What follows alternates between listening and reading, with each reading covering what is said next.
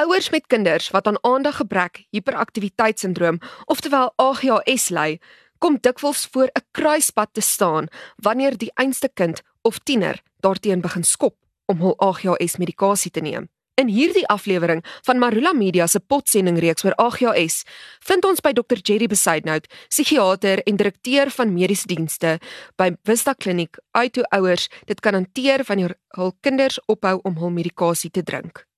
Wat moet ouers doen wanneer hul kind teen medisyne begin skop?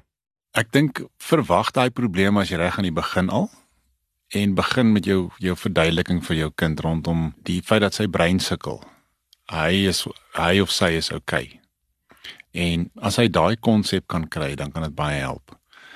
In die tienerjare gaan dit baie vir die kind om sy eie identiteit te kry en dan ook om deel van die groep te wees.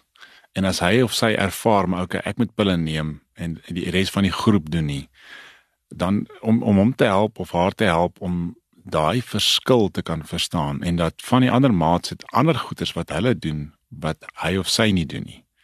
En dan ook weer eens die gesprek terug te bring na maar okay maar wie is jy? Wat doen jy? En wat is die beperking van die pille? Wat kan daai pille werklik waar doen? Jy weet die T-toets is 'n groot toets.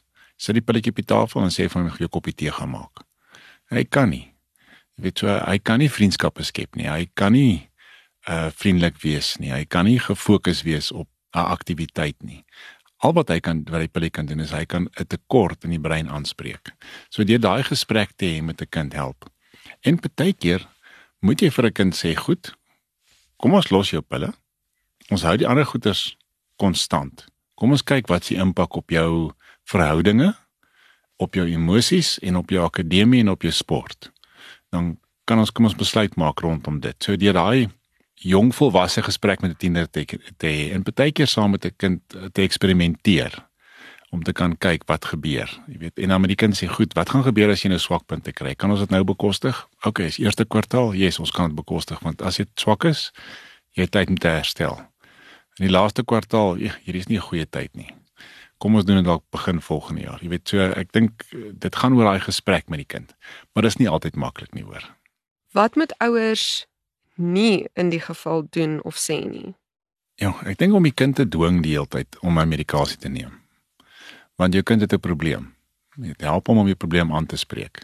Deur dit te ignoreer of weg te praat, al wat gebeur is net op 'n sekere stadium wanneer die kind meer onafhanklikheid het, dan gaan hulle eenvoudig net op hul medikasie of jy gaan 'n rebelse reaksie kry. En die kind sal sê, "Goed, ek gaan dit doen, maar ek gaan vir jou wys ek gaan nie ek gaan nie oordentlik optree nie en ek gaan nie goed doen nie." Ehm um, so maar maar wie eens weet ek nou ek nou praat en dink ek sê net ek moet net sê weet dit is baie moeilik met baie kinders.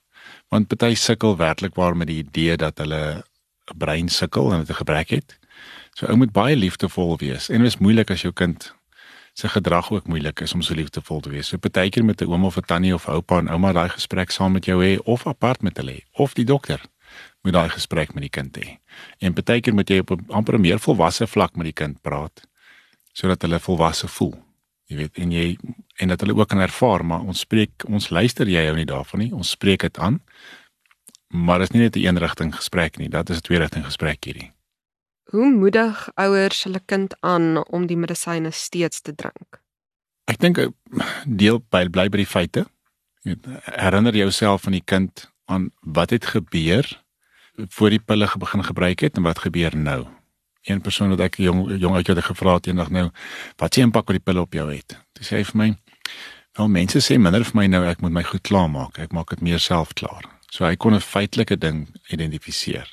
So deur daai feite te gaan identifiseer wat se verskil maak dit en dan elke nou en dan mekaar net herinner daaraan. Help daai kind om te kan sien wat hy doen en dan ook om die kind te help identifiseer wie is hulle. Wat is hulle drome en hulle ideale? Byvoorbeeld as hulle wil 80 gemiddeld gekry het, wat hoe wat se werk het hulle gedoen om dit te kry? Jy weet en wat se wat se deel dink hulle het die pille bygedra?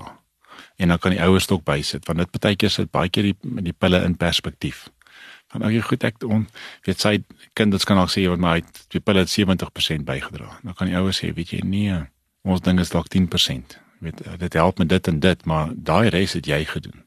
So daai gesprekke help nogal baie.